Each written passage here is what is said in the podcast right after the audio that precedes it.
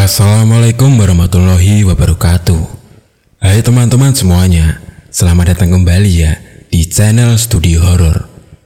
Studio Horror kali ini akan menceritakan tentang sebuah kisah Mendadak Indigo Cerita misteri kali ini bersumber dari Ed Catatan Yohanes Lalu bagaimana kengerian dari kisah kali ini? Mari kita simak kisah ini bersama-sama. Bisa melihat, tapi kok masih saja takut?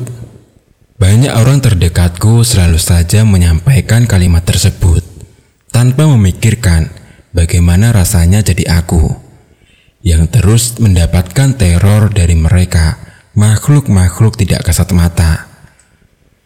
Terlebih, indigoku yang mendadak muncul pada diriku sejak aku mulai masuk dunia SMA. Tidak pernah menemukan jawaban ketika aku mencari sebabnya kenapa mataku bisa melihat makhluk tidak kasat mata. Juga tanpa aku sadari, banyak dari mereka, jin atau iblis, masuk tanpa izin ke dalam tubuhku, mengontrol dan menguasai tubuhku, sehingga sering pula aku seperti pingsan atau tertidur, mulai masuk ke alam-alam mimpi. Namun, aneh, Ketika terbangun, banyak orang mulai membicarakan kejadian-kejadian selama aku tidur itu. Menurut mereka, aku berperilaku layaknya sinden Jawa, atau sering pula aku berperilaku layaknya macan yang sedang berjalan menyusuri sudut-sudut sekolah. Itu Putri, dia kesurupan lagi. Ucap teman-teman sekolahku ketika aku mulai bangun dari tidur. Namun masih dengan kesadarannya setengah. Aneh juga bagiku, ketika aku terbangun, sudah ada tiga guru agama di sampingku, dengan mulut yang kumat kamit, membacakan berbagai macam doa. Terkadang pula membacakan beberapa mantra-mantra Jawa. Aku diam mengingat kejadian sebelum aku terbangun. Tidak bisa. Gemamku kesal dalam hati. Tapi aku ingat, sebelum aku tertidur, aku sedang berada di kelas yang menjalani proses belajar mengajar. Oh iya, ucapku dalam hati. Tepat sebelum aku tertidur pulas, dan tiba-tiba saat terbangun, sudah berada di halaman sekolah. Lebih tepatnya, berada di lapangan voli depan kelasku. Ada segerombolan makhluk yang mengenakan pakaian hitam, tapi wajahnya benar-benar tidak bisa terlihat. Berjalan menunduk tanpa pernah mendongakkan kepalanya sekalipun, sehingga aku benar-benar buta tentang wajah mereka. Tapi yang aku ingat, mereka bertanduk merah. Melihat jalannya, mereka seperti kita para manusia, hanya tanduk yang membedakan. Masih terus aku berpikir kejadian apalagi yang menimpaku, sampai semua mata tertuju kepadaku. Perlahan aku mulai membuka mataku lagi dan memberanikan bertanya kepada salah satu guru agama, Pak Ansori. Apa yang terjadi padaku, Pak? Tanyaku pelan dan mencoba membangunkan badan dengan sisa-sisa tenagaku. Yang aku sendiri nggak tahu kenapa badanku bisa selemas ini. Kamu sudah sadar putri? Syukurlah. Jawab Pak Ansori. Terlihat raut wajah khawatir muncul dari ketiga guru agama itu. Dan beberapa terlihat wajah-wajah yang tidak asing bagiku, yaitu teman-teman sekolahku Kenapa semua orang mencemaskanku, Pak? Tanyaku lagi. Sembari bola mataku terus melihat sekeliling sebisaku dalam kondisi terlentang. Barusan kesadaranmu diambil beberapa makhluk yang tidak kasat mata. Ujar Pak Ansori. Maksudnya, aku... Apa aku kesurupan lagi, Pak? Tanyaku mendesak Pak Ansori. Pak Ansori hanya menggelengkan kepalanya dan langsung memerintahkan kepada kedua temanku, Laili dan Nanda, untuk mengambil tandu dan membawaku ke UKS untuk beristirahat di sana. Namaku Putri Leandira. Sejak masuk ke bangku sekolah menengah atas, penglihatanku mulai aneh. Bukan minus ataupun plus pada mata, tapi lebih tepatnya mata batin. Sampai sekarang pun masih belum diketahui asal-usulnya. Bagaimana bisa makhluk-makhluk yang sebelumnya belum pernah sekalipun ada di benakku, tiba-tiba muncul di penglihatanku. Ya, seperti yang sering ada pada film-film horor, di mana ada manusia yang matanya seakan keluar, lidah yang menjulur panjang yang dipenuhi dengan darah. Ada juga yang badan tanpa kepala, terdapat banyak darah di leher yang menetes ke bawah namun hilang ketika sudah menyentuh tanah. Akal pikirku tidak bisa memikirkan bagaimana kejadian-kejadian yang aku alami ini biar masuk ke dalam logika manusia awam. Banyak kejadian menjanggal yang akalku tidak mampu memikirkannya. Dengan melihat mereka secara langsung dan terus-menerus, tidak lantas membuatku menjadi pemberani dengan hantu. Malah, apa yang aku alami sekarang membuat aku semakin takut. Teror yang aku alami benar-benar seakan nyata. Pernah suatu ketika, saat aku akan membuang hajat, tanpa melihat aku masuk ke dalam kamar mandi, tanpa juga berpikir apa-apa. Saat mulai menurunkan gayung yang ada di genggamanku untuk mengambil air di bak, Aku dikagetkan dengan air yang tumpah dari gayung itu. Air itu berwarna merah kental kehitaman. Saat aku melihat isi dari gayungku itu, lagi-lagi aku dikagetkan dengan isinya. Kepala dengan rambut ikal yang tidak panjang, itu yang ada dalam gayungku. Matanya melotot menatapku tajam. Refleks, langsung saja aku lempar jauh-jauh ke pojok kamar mandi. Aku mengambil kayu yang lain dengan cepat-cepat. Aku pun bersih-bersih dan keluar dari kamar mandi. Mulutku seakan tidak mampu lagi berteriak keras, seakan terkunci rapat-rapat. Tanganku yang gemetar serasa sulit untuk membuka gagang pintu kamar mandi itu. Beberapa umpatan yang aku tahu, semuanya keluar dari mulutku. Namun, hanya aku yang mendengarnya karena aku berbicara dalam hati, sehingga mulutku tidak lagi mampu bersuara. Saat gagang pintu berhasil kuputar, dengan cepat aku tarik, sehingga daun pintu itu terbuka lebar. Namun, kakiku serasa berat untuk melangkah keluar. Sialan, umpatku. Kenapa kakiku menjadi berat? Bola mata yang seakan penasaran dengan keadaan kakiku, refleks melirik ke bawah. Alangkah terkejutnya ketika melihat tangan putih pucat dengan kuku panjang yang memegangi bagian betis kakiku. Bola mataku terpaku melihat tangan itu yang tanpa aku ketahui tangan siapakah itu. Dengan susah payah, aku mencoba melangkahkan kakiku berat, seakan membawa beban batu besar yang diikatkan di kakiku. Dengan cara menyeret, akhirnya kakiku berhasil melangkah walaupun dengan pelan. Pikirku asal aku bisa keluar dari kamar mandi sialan itu. Setelah beberapa langkah cukup jauh dari kamar mandi, aku berhenti di kursi dapur. Aku mencoba duduk dan ingin sekali memastikan Tangan siapa yang memegangi kakiku itu? Saat setelah terduduk dengan nafas yang masih tersengah-sengah, aku turunkan bola mataku ke arah di mana tangan tadi melingkar memegangi betisku. Saat setelah pandangan sudah benar-benar berada di betis kakiku, aku dikejutkan dengan menghilangnya tangan pucat dengan kuku panjang tadi. Ke mana dia? Tanyaku dalam hati. Detak jantungku mulai benar-benar tidak bisa dikendalikan lagi. Rasa takut masih berputar terus menjemai seisi otakku. Namun, ada hal yang sedikit melegakan. Kakiku kali ini terasa ringan. Sudah tidak ada lagi beban yang aku rasakan tadi.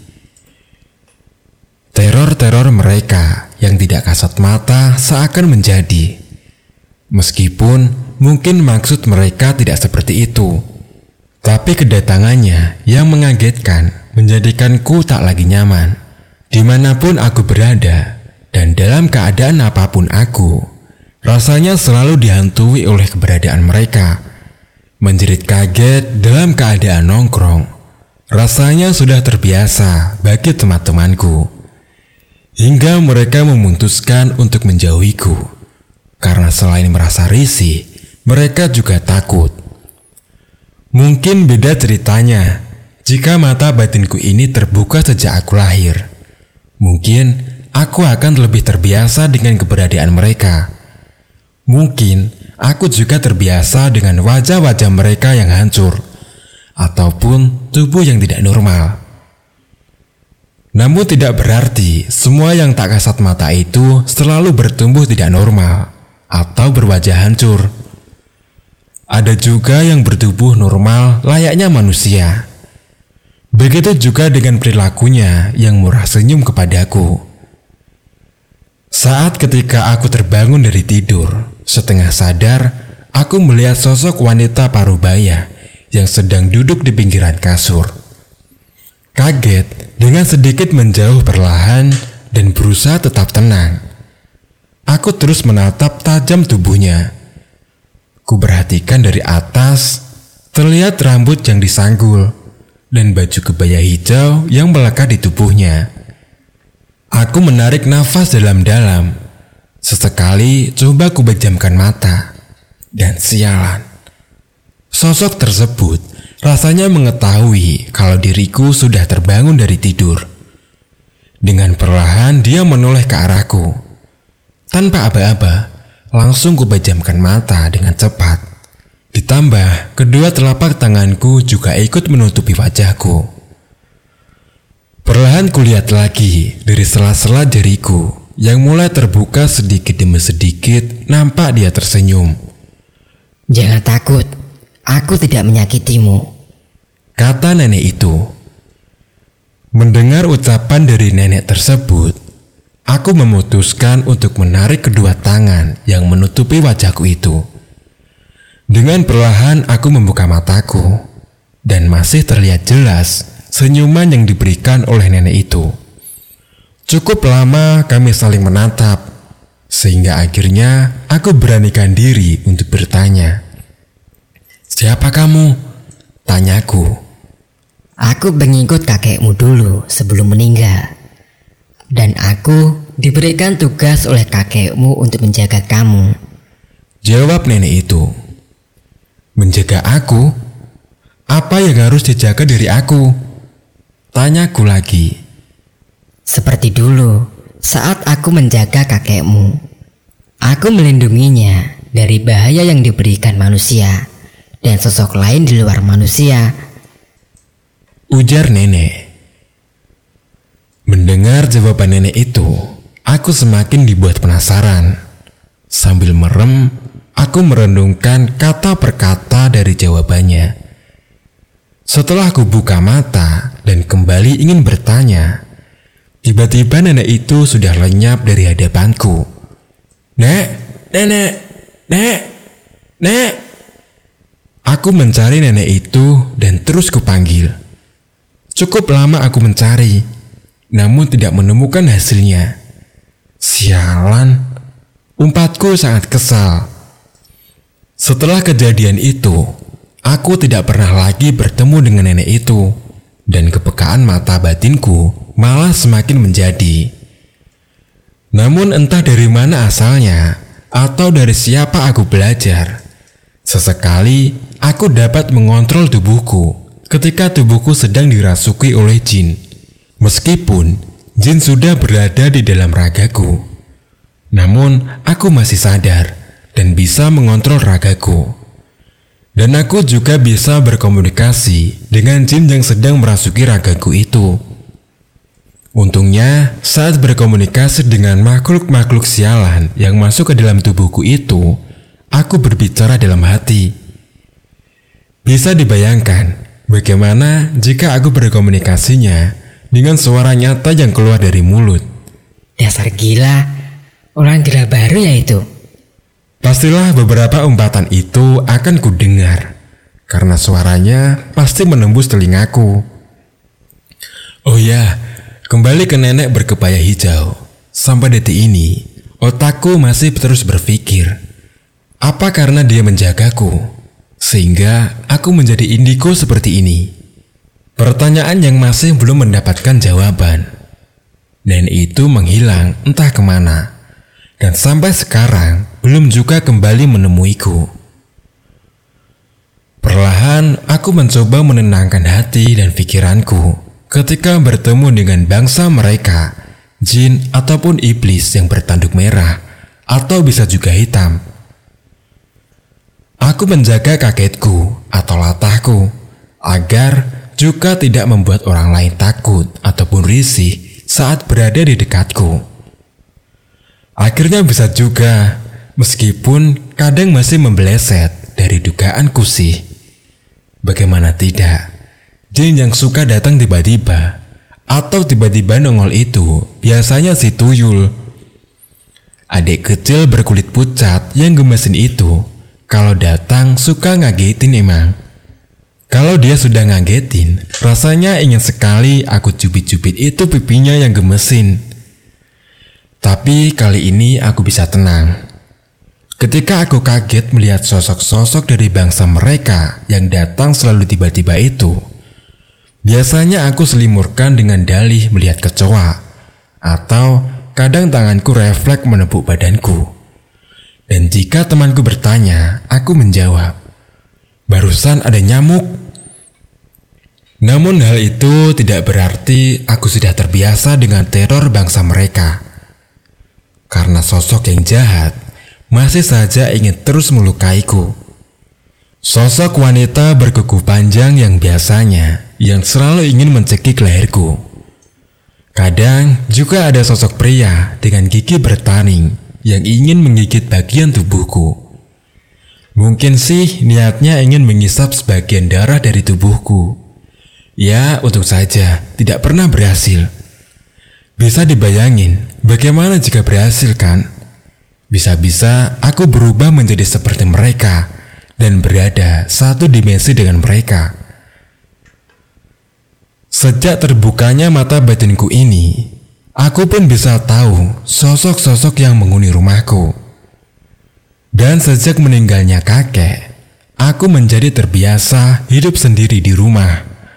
Mama atau papaku kerja di luar kota. Mereka biasanya kembali setiap hari Jumat ataupun hari Sabtu dan kembali keluar kota pada saat hari Minggu malam. Sosok yang menghuni rumahku itu mulai dari sosok yang mendiami depan rumah, di atas pohon, lalu sosok yang berada di dalam kamarku atau kamar papa dan mama. Ada juga sosok yang mendiami kamar mandi dan juga dapur. Semuanya baik, kecuali sosok yang mendiami kamar mandi.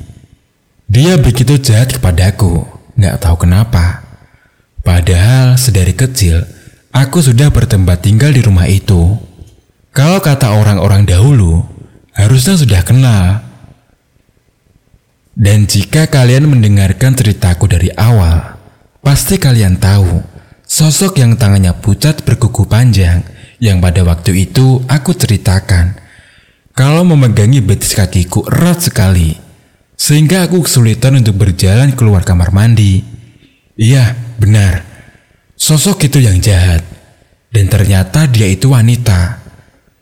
Saat aku mencoba mengorek keterangan tentang dia, kenapa dia jahat? Selalu mendapat jawaban senyuman sinis. Berbeda dengan sosok yang menghuni gerbang depan rumahku, sosok macan yang kadang bisa juga berubah menjadi seorang kakek tua dengan rambut yang sudah memutih. Kakek itu ramah sekali. Jawaban yang dilontarkan ketika aku bertanya, selalu membuat gelak tawa di antara kami berdua. Katanya, beliau berasal dari salah satu pengikut raja pada suatu kerajaan. Dan ketika raja itu telah mati, akhirnya beliau memutuskan untuk pergi dari kerajaan itu dan mencari tempat sendiri yang menurutnya nyaman. Dan berhentilah beliau di depan gerbang rumahku dan bertempat tinggal di sana hingga sekarang. Setahun kemudian, aku naik ke kelas 11 di sekolah menengah atas. Pagi dan cerah aku berangkat ke sekolah dengan mengendari motor metik. Setelah sampai di sekolah, aku turun dari motorku dan aku tuntun motor hingga sampai di tempat parkir. Setelah memarkir motor, aku tidak langsung beranjak menuju ke kelas. Aku diam sejenak dan memerhatikan sekeliling. Tumben kosong, gumamku dalam hati. Ke mana mereka?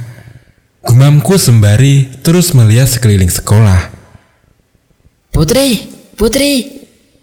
Panggil Sukma sembari menembuk pundaku yang mengagetkan. Eh, oh, oh, oh, oh Sukma. Halo. Jawabku dengan gagap. Kamu ngapain? Ayo masuk. Kata Sukma. Oh iya, ayo, ayo. Jawabku. Akhirnya aku mengikuti Sukma dari belakang. Namun ada yang aneh buatku. Kenapa makhluk tak kasat mata yang biasanya datang mendekat dengan cara mengagetkanku, namun kali ini tidak ada? Memang mereka yang tidak ada, atau mulai sekarang mata batinku sudah tertutup. Aku terus saja berjalan hingga sampai di kelas. Aku meletakkan tasku seperti biasa. Lalu aku duduk di kursi tempat dudukku. Terlalu lama menunggu guru yang akan mengajar membuat aku merasa ngantuk. Akhirnya, aku memutuskan untuk meletakkan kepalaku di antara kedua tangan yang aku selangkan di meja bangku sekolahku. Tanpa lama-lama, Aku sudah terlelap dalam tidurku. Halo Putri. Halo Putri. Suara sapaan yang entah dari mana asalnya. Aku lihat sekeliling, namun memang tidak ada siapa-siapa. Ini siapa sih? Gumamku dalam hati. Aku di sini, Putri. Suara itu terdengar lagi dan menjawab ucapan hatiku. Aku melihat sekeliling dan aduh, kamu siapa? Tanyaku dengan nada sedikit gemetaran melihat ada sosok di sebelahku. Wajahnya hancur dengan mata melotot dan mulut yang sedikit terbuka. Juga dengan dua taring yang menjulur keluar. Aku penjaga wilayah ini. Jawabnya dengan membentak. Aku salah apa? Kenapa kamu membentakku? Tanyaku lagi. Bangsamu telah membunuh sebagian bangsaku. Dia membakar temanku yang tidak bersalah apa-apa. Jawabnya, membakar, kataku. Ya, dia menyuruh temanku untuk mewujudkan wujudnya.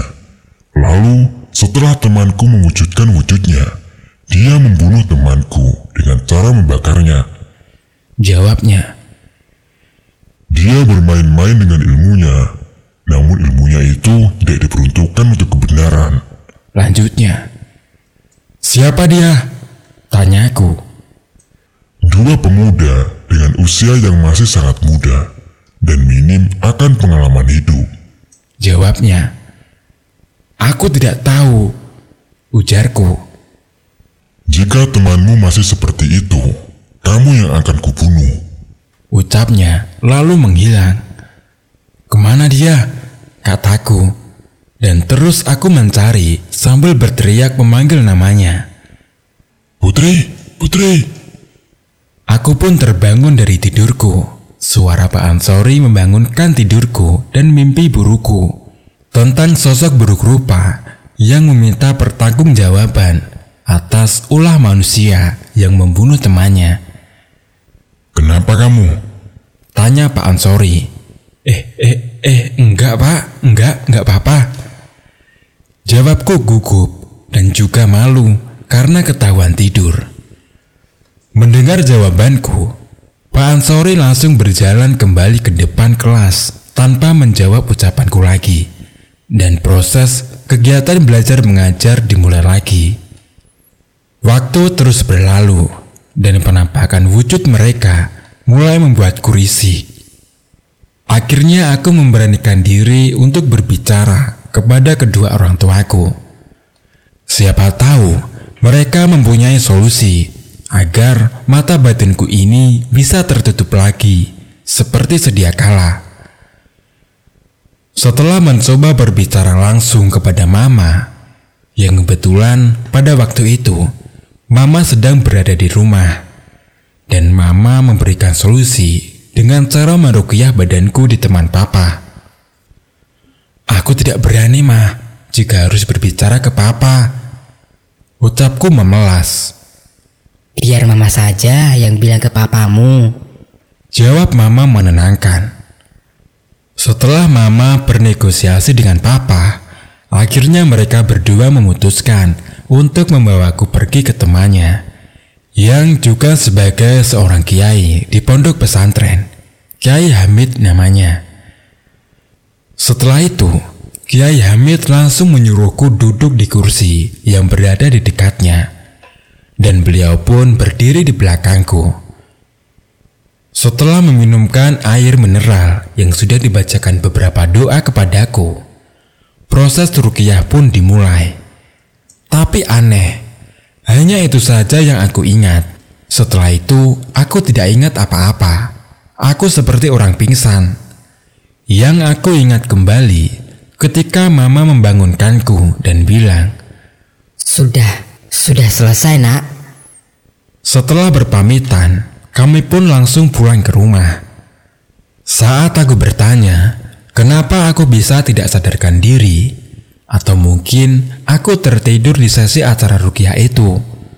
Mama sama papa tidak mau menjawab. Namun memang aneh. Setelah dirukiahnya badanku, mata batinku serasa tidak berfungsi lagi. Aku sama sekali tidak pernah lagi melihat wujud mereka. Tidak ada lagi kata anak indigo dalam diriku. Sejak kejadian itu pula, aku merasa menjadi manusia normal kembali. Dan cerita pun selesai. Terima kasih teman-teman sudah mendengarkan video podcast studio horror ini hingga selesai. Mohon maaf apabila ada salah kata, kesamaan nama, tempat, dan kejadian. Tinggalkan jejak berupa like dan komentar. Dan jangan lupa juga menekan tombol subscribe ya. Dan nantikan cerita kami selanjutnya. Wassalamualaikum warahmatullahi wabarakatuh.